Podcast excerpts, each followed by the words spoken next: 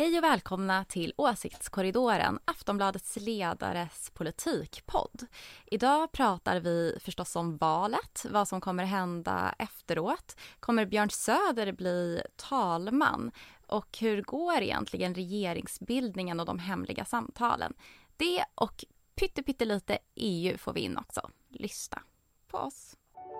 En podcast från Aftonbladet Ledare. Åsiktskorridoren.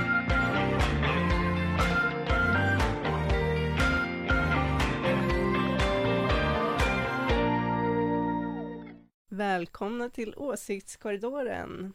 Idag anropar vi lyssnarna från Aftonbladets redaktion på Västra Järnvägsgatan i Stockholm. Vädret är förskräckligt. Ungefär som vårt humör två dagar efter valet. Här i fire. studion har vi Ulrika Schenström, oberoende moderat och VD för den gröna liberala tankesmedjan Fores. Hej! Ja, här är jag, on fire. Vi har Sina Aldevani, ledarskribent här i Aftonbladet, som tyvärr gör sin sista dag på jobbet idag. Eh, imorgon så går hon tillbaka till sina läkarstudier. Så hej, doktor Aldevani. Hej. Du får nog vänta med att kalla mig doktor i några år till dock. Jag kommer kalla dig doktor från och med nu. Eh, och sist men inte minst har vi Anders Lindberg som är Aftonbladets politiska chefredaktör. Du inledde dagen med att skrika åt din dator i 15 minuter. Hur mår du nu? 15 minuter. Jag, jag, kan det, se det, detta det, det är väl framför inte mig. helt eh, fel.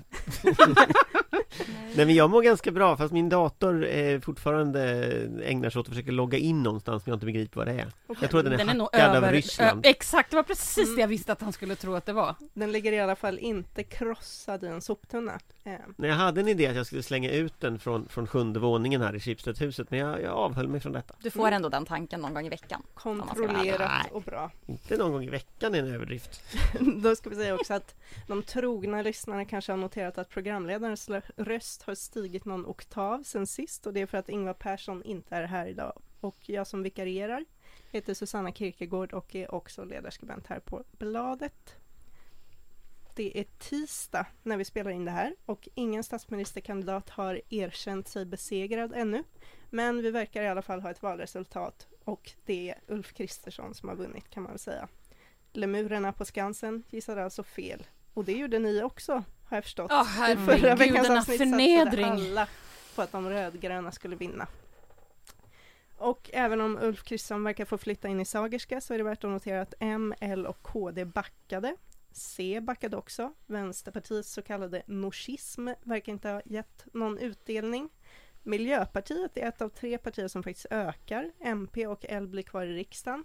Socialdemokraterna går sjukt nog också framåt trots åtta år vid makten, vilket får sägas vara imponerande. Och sist men inte minst så blir Sverigedemokraterna näst största parti i Sverige. Vad betyder det för oss och för samhället, Sina? En enkel liten Ja, fråga. verkligen. Gud, jag hoppades nästan att Anders skulle få inleda.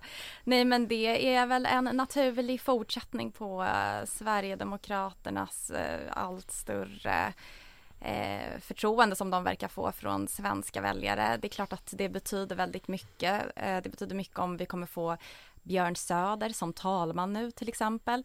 Eh, det betyder mycket när det gäller hur mycket eh, Moderaterna kommer få igenom sin politik eh, och hur mycket de kommer behöva kompromissa med Sverigedemokraterna.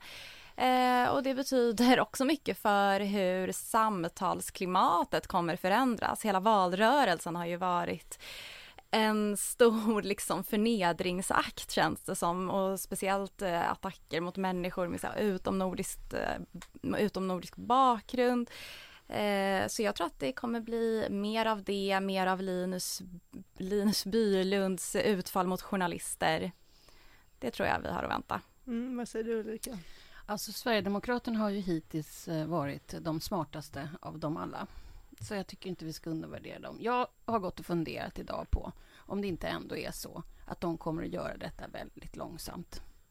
De kommer vara lite fogliga här i början för att bevisa att de inte är farliga. Så kommer de sakta, sakta, sakta, sakta ta sig in i systemet. Det är vad jag tror.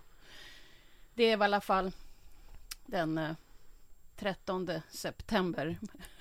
Analysen Mm. kan ju ändras ikväll, men jag bara tror det. Vad säger du Anders, kommer de gå sakta, sakta, sakta?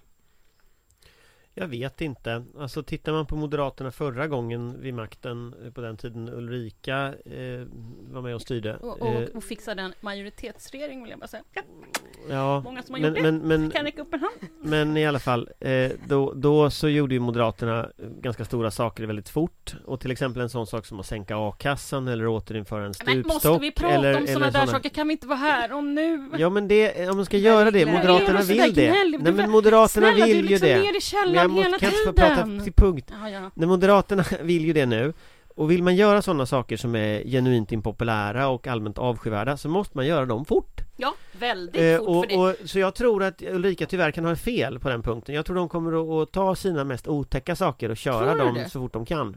Sen är det kanske så att de inte kan göra det alls för att Liberalerna eh, kommer att lägga krokben. men jag tror inte de kommer in i, alltså i regeringen, utan jag tror att L vill inte ha in SD, SD vill inte ha in L, så det blir en MKD-regering. Det är vad jag tror. mm, det är väl sannolikt. Och sen Men- har de något slags kansli som jag inte tror sitter i regeringskansliet heller, utan sitter på riksdagen. Någon sån här äh, förhandlingskansli på riksdagen. I så fall blir ju SD blåsta om de skulle gå med på det. Ja, men det beror på vad de Vilket får i och för sig är bra naturligtvis att Ja, blåsa men jag SD. bara tror det. Jag, bara, jag grundar inte detta i någon slags information, utan bara så här, det är sådär kanske.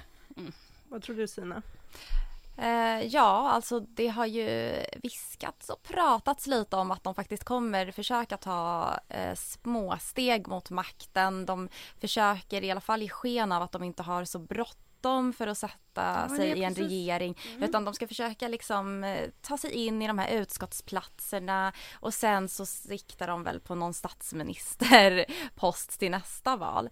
Eh, men jag tror att det också finns en konflikt där, för det är ju många som är så här, okej, nu kör vi, nu kräver vi det vi förtjänar. De är ändå det största partiet i det blocket. Och just för att inte känna sig blåsta, inte känna att så här, okej, de är näst störst i Sverige, men vad får de för det? De måste ändå visa att de får någon typ av utdelning. Mm, Ja, det, alltså var femte svensk har ju röstat på dem, så de förväntar sig ju någonting. Jo men där, där tror jag, det är därför jag tror att du kan ha fel. För att, Jo, för att, för att det, alltså, de, de kommer att behöva leverera. Eh, men jag tror inte de till- kommer till vara sin bas. bombastiska, det är det jag nej, de säga. kan ju inte kan vara bombastiska men jag skulle tro att de kommer att vilja ha en samordningskansli på statsrådsberedningen. Jag tror att de kommer att vilja ha tjänstemän i regeringskansliet. Jag tror de kommer att kräva inom några år att de ska börja ha Sverigedemokrater utsedda till landshövdingar, till generaldirektörer, till ambassadörer. Mm. Alltså det regeringen själv förfogar över som utnämningsmakten, utnämningsmakten, det kommer de att kräva. Eh, och, och eh, jag tror man ska bara glömma att de skulle liksom inte vilja ha allt det där. Sen kommer det att ta tid. Eh, och eh, jag vet inte liksom när de bestämmer sig för att de ska in i regeringen. De kommer att göra det under mandatperioden, det tror jag. Någon större ekonomisk kris till exempel. Då vill SD komma in i regeringen, kräva en regeringsombildning. Inte osannolikt. Eh, vi någonstans längs den här vägen. Så att jag tror det. Otäcka saker i början, ganska stort inflytande och jag tror tyvärr faktiskt att, att de kommer att lyckas med det. Jimmie Åkesson var ju åt lunch med Moderaterna igår på deras kansli. Vad tror ni om Ulf Kristerssons förhandlingsläge nu med Jimmie Åkesson? Eh, nu är det Jimmie Åkesson som är Sveriges näst största parti och största, ja inte längre oppositionsparti längre då kanske. Eh, hur ser förhandlingarna ut? Nej, men det blir klart att det blir komplicerat om man inte är förberedd. Alltså de har ju inte gjort en gemensam budget innan, eh, utan nu ska man ju gå från scratch. När FIB, alltså Finansens budgetavdelning, kommer över med pärmarna så, så är det ju som att börja om från början. För att jag menar, även om man säger så här, ja vi har de här förslagen som är vi har tillsammans, men det är ju inte finansierat, det är ju inte liksom eh, i vilken ordning man ska göra det, så att det här, det här blir eh, svettigt. Nej, man ska heller inte glömma det att FIBA sitter ju alltså på, eh, inte bara en perm, utan de sitter ju på bland annat det här med alla saker de har velat göra i alla år och inte fått. Ja, Och, och, och, och de sakerna är ju sådana där saker som fäller statsråd, fast liksom, eh, som, därför har statsråd inte velat göra det. Alltså all sån gammal skit som finns i regeringskansliet kommer de ju att försöka trycka på den här nya regeringen. Eh, och jag tänker att SD är ju rätt, eh, liksom, de, ju, de har ju inte koll på det här. Eh, Och jag kan tänka mig att Moderaterna inte heller verkar ha så bra koll på det. Så att det kan nog bli ganska mycket så konstiga saker som liksom ligger i lådorna som folk kommer vilja trycka igenom systemet. Eh, sen så ska vi ju se statsråd som ska utnämnas och när Reinfeldt valdes då, då föll ju statsråden som käglor liksom de första veckorna. Eh, och, och där kommer naturligtvis media att granska väldigt hårt de personer som ska kliva in. Och ta en sån här som Gunnar Strömmer till exempel som ju åkte dit så och sjöng om det i den här den här härvan som, som eh, Kalla fakta avslöjade med, med, med eh, folk som skulle, hade erbjudit eh, olika dolda partibidrag. Han har ju varit liksom namn för att bli justitieminister. Eh, Den skandalen dog ju under valrörelsens gång. Den kommer ju komma tillbaka i sådana fall. Och så att vi kommer att se massa sånt där eh, som kommer att hända också, liksom när den nya regeringen ska formeras. Om vi pratar ännu mer konkret politik, nu tror jag att lyssnarna undrar vad som kommer att hända härnäst. Liksom, vilka konkreta politiska förslag tror ni att en ny Kristersson-regering kommer försöka få igenom först? Ja, men det är väl någon migrationsgrej? En migrationsgrej, Brott, Anders? brott, ja, migrationsgrej migrationsgrej, alltså, brott och där- där ska man ju- straffsats. där ska man ju- Ja, där ska man ju komma ihåg att Sverigedemokraterna alltså inte längre är ett parti som i första hand fokuserar på att stoppa invandringen utan de vill ju ha återvandring. Och det är någonting som, som de kommer att få och det är någonting som kommer att bli, eh, tror jag, en ganska stor sak och det handlar om att slänga ut människor som redan är i Sverige. Så det, det kommer att bli, bli något de får igenom skulle jag tro. Sen så kommer du att se eh, det här de kallar för världshistoriens största offensiv eller vad de nu använder för uttryck på mot brottsligheten. Eh, och det är väl lagskärpningar och hela det här paketet som de kommer att ha eh, för det. Sen kommer de naturligtvis starta kärnkraftverk. Det kommer att ta 15 år men de kommer liksom att, att köra igång. Och där kan vi ju konstatera att Ringhals redan står still. Så att Ulf Kristersson kommer ju vara en statsminister som har Ringhals som står still. Då kommer jag ju ställa frågan, var är de där kärnkraftverken någonstans? Det är någonstans i oktober ska jag ställa den frågan. Så att jag menar, de, de, de tre sakerna tror jag är den första, första liksom lågt hängande frukten. Sen sitter Moderaterna i ett jätteproblem med sin arbetslinje. Eh, för SD vill ju inte sänka någon a-kassa och då finns det inga pengar till att sänka någon skatt. Så där kommer det bli krock. Sina, vad säger du? Vad kommer hända nu konkret politiskt? Men jag tror att eh, väldigt mycket av det som Anders redan har nämnt. Men jag är också nyfiken. Och ja, och biståndet förstås. Det var någon som frågade vem som skulle få biståndsministerrollen eh, igår. Och jag var så här, ah, det kommer typ inte behövas för de kommer vilja strypa allt bistånd. Eh, och det tror jag också kommer påverka Sverige Då- ute i Europa och då- världen. Och då undrar man vad Liberalerna kommer att säga. Mm. KD. Precis. Li- Vad som är värst då? Björn Söder som eh, talman eller sänkt bistånd? Mm. Spännande, spännande. Spännande. Men de kommer ju, alltså SD kommer ju kunna beställa från menyn här liksom. De kan ju beställa vad de vill. Ja, klart de kan. Ja, de vill ha ordförandeposten i finansutskottet. De Nej, vill just- ha och ord, justitia. ordförande och de vill ha ordförandeposten i justitie Och kultur. och kultur. Och så vill de ha tjänstemän på regeringskansliet. Och så vill de ha extra glass. Alltså de, de kommer att vara allt som, som Med de, grädde på. med grädde på. Och de kommer att få allting. Och där sitter Kristersson inträngd i sitt hörn Och längtar till Sagerska palatset liksom. Som, Och har ju naturligtvis en förhandlingsposition som ju inte Ja.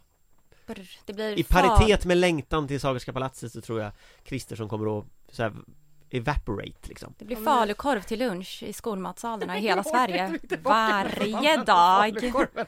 Men om vi nu, när, nu när vi kom in på partiledare som eh, upplöses, eh, vad, vad kommer partiledarna göra nu? De som det gick dåligt för, vilka kommer behöva avgå? Kommer någon avgå?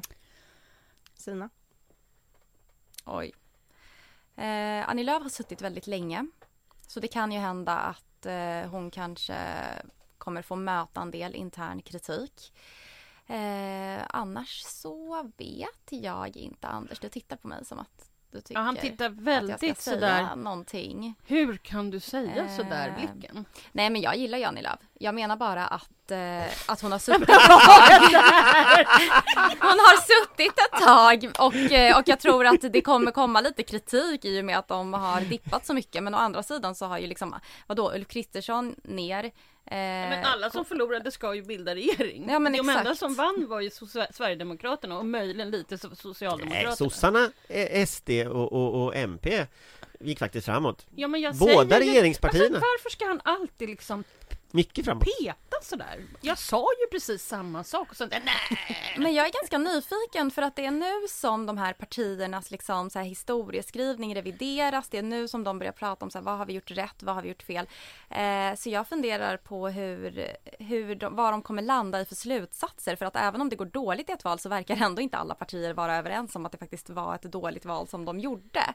Eh, de kan ju hitta på vilka anledningar som helst, typ så här media har varit emot oss eller våra frågor var aldrig på agendan och det är därför det gick dåligt. Det, Då så- man alltså, när, när de säger sådär, då har de ingen plan överhuvudtaget. Exakt, och det börjar ju låta så från en del partier redan nu. Eh, så då får vi se, men jag tror att just nu efter valet så slut, försöker man väl sluta upp och snart så kommer knivarna i ryggen komma fram och då poppar jag popcorn.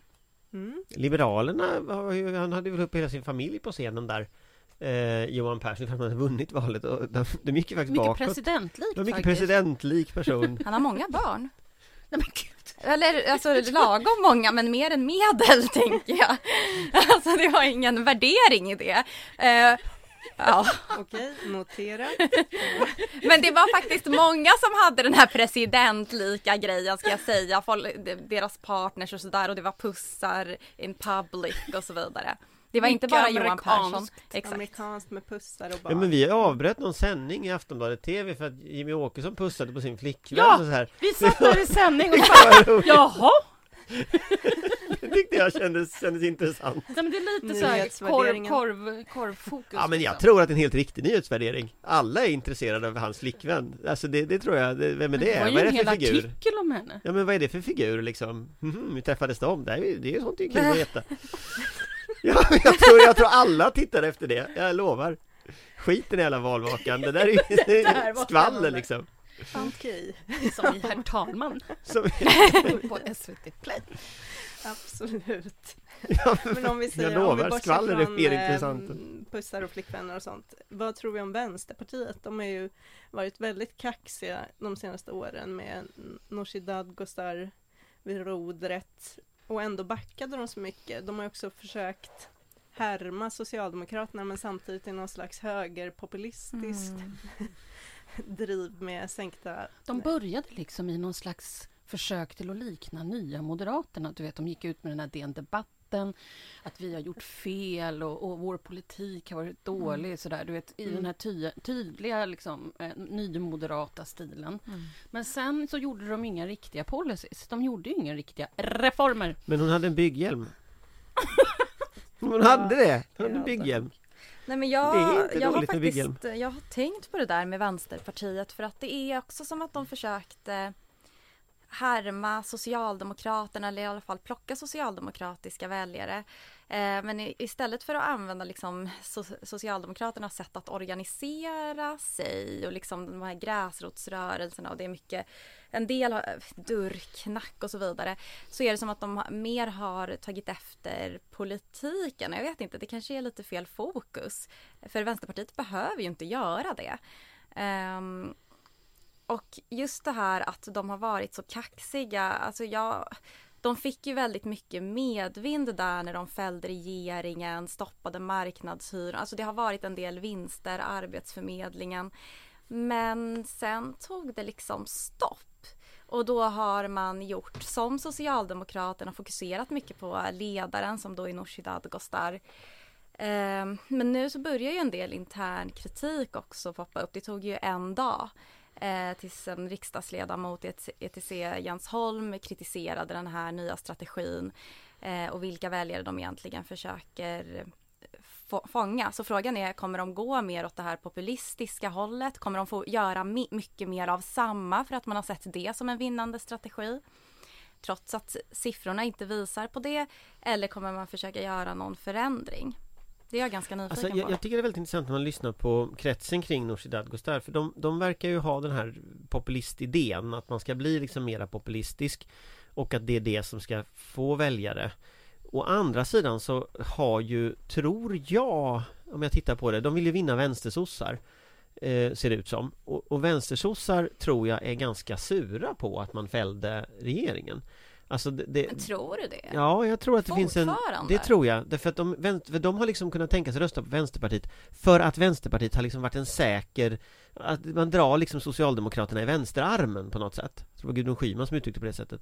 Och, och grejen är att om, om de fäller Socialdemokraterna Då tror jag den dra i vänsterarmen-känslan Då tror jag den går ner och problemet för Vänsterpartiet det är ju att det är ju ett el- elitparti Alltså det är ju ett parti av socialsekreterare och bibliotekarier och så vidare Och det där är någonting som... Det är ju inte som en samhällselit, bibliotekarie. Nej, men det är en, en, en utbildad, det är en utbildad, väldigt väl medveten, väldigt väl engagerad väljargrupp som är ganska säker på hur de röstar.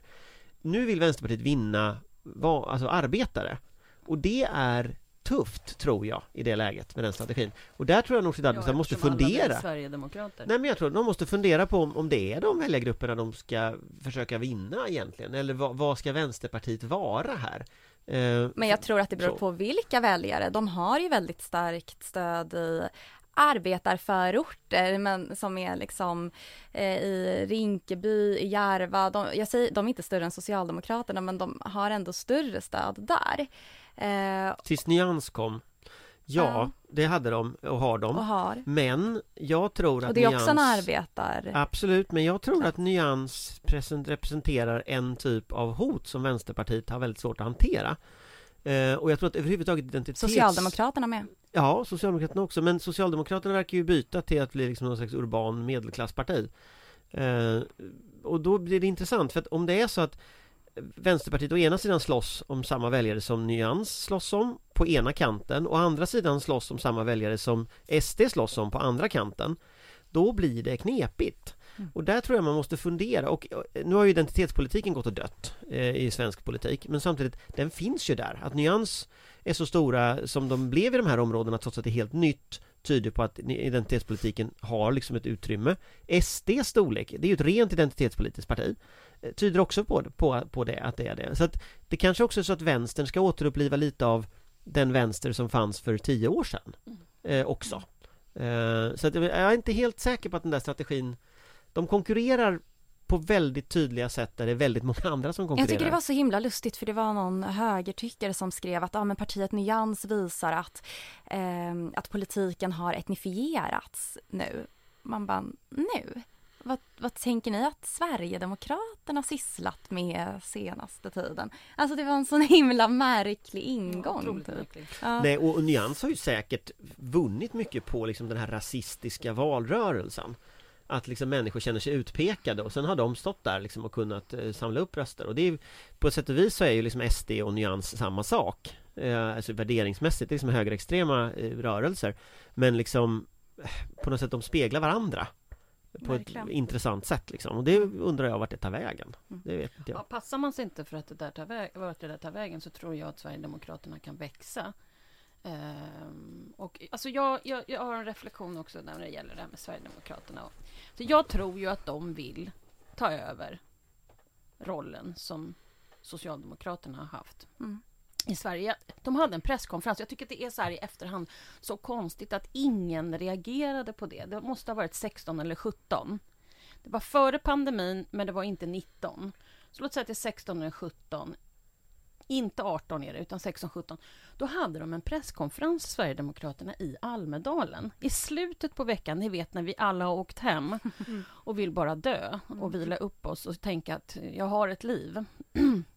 I alla fall. Och där sa de rakt ut att vi tänker ta över rollen som den roll som Socialdemokraterna har haft. Och ingen reagerade. In, ingen verkade gå på det här seminariet. Jag satt och tittade på den för jag väntade för att vi skulle åka hem med båten. Och så jag satt liksom och tittade på den här presskonferensen i telefonen. Och tänkte, varför är det ingen som reagerar? Mm. Så här i efterhand. Men, men, där- men där undrar jag också, den, det lirar ju också med en annan strategi de har haft och det är ju att vara ett välfärdsparti. Eh, de, har ju misslyckats med det och nu sitter de med Moderaterna så de kommer få svårt liksom under den här mandatperioden tror jag. Men, men, men det, det som man ser i siffrorna när man tittar på det preliminära nu det är ju att det här könsgapet eh, kvarstår ju och är större till och med än tidigare. Eh, och, och där brukar man ju prata om SDs strategiska nödvändigheten för SD att bryta in i kvinnor, breda kvinnogrupper. Eh, och där har man ju sett välfärden som en sån metod. Men tittar vi på liksom den här regeringskonstellationen vi har nu, då är ju risken att de snarare går åt andra hållet. Att SD blir männens parti. eh, ännu tydligare. Eh, och, och det, det, det gör att jag undrar om de kan ta S roll. Alltså jag tror att de får svårt just att, att de, då måste nej, nej, man... men jag säger bara att om man inte passar sig. Mm. Jag menar, vi har suttit och Nej, undervärderat men det är de här i kvinnorna, tio års men det är kvinnorna som är grejen. Det är det som är nyckeln till att om de skulle lyckas med det. Ja, jag vet. Jag tror att vi får avsluta med en eh, fråga som stora delar av svenska folket antagligen går och funderar mycket på just nu, särskilt den här veckan. Och det är att eh, imorgon håller ju EU-kommissionens ordförande Ursula von der Leyen sitt årliga State of the Union-tal. Tänker du att svenska folket Mitt funderar i på allt det? detta kaos. Det var ett Vi skämt. förstår. det var ju faktiskt Riktigt så galen är jag inte, riktigt så galen är jag inte. jaha. Vad säger det om mig att ni trodde att det inte var ett skämt? Ja du Tack Susanna.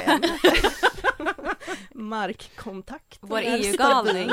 Mm, markkontakten i. Bryssel. Där, där, ja, där Mm. tog vi oss alla. Mm. Eh, den här gången kommer det förmodligen handla om kriget i Ukraina, om sanktioner mot Ryssland och Ukrainas nya status som kandidatland för EU-medlemskap. Det gäller också handla om energikrisen och inflation. Men vad hoppas ni att EU-ledaren lovar? Anders? Om jag får önska så skulle jag önska att det här, eh, så här efter covid-programmet eh, som skulle klimatförändra Europa eh, och det, det fanns ju som ett, ett, ett ut, en utgångspunkt innan Ukraina-historien. Den blir ännu mer aktuell med tanke på Putins gaskrig.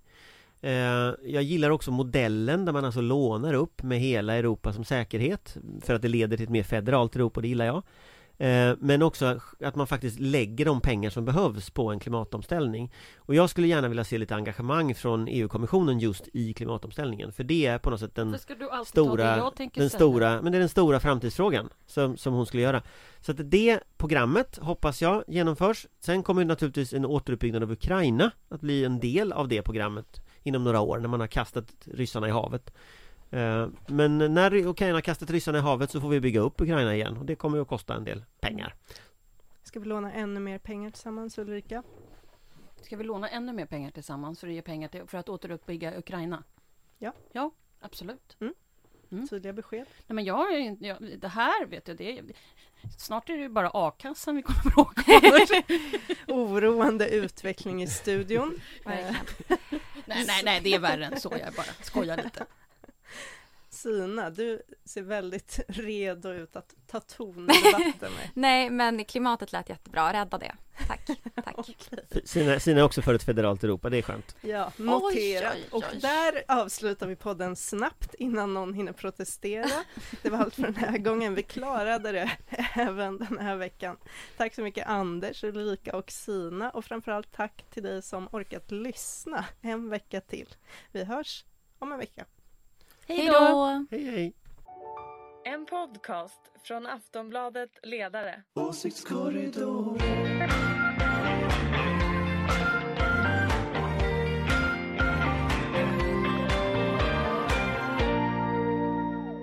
Du har lyssnat på en podcast från Aftonbladet. Ansvarig utgivare är Lena K Samuelsson.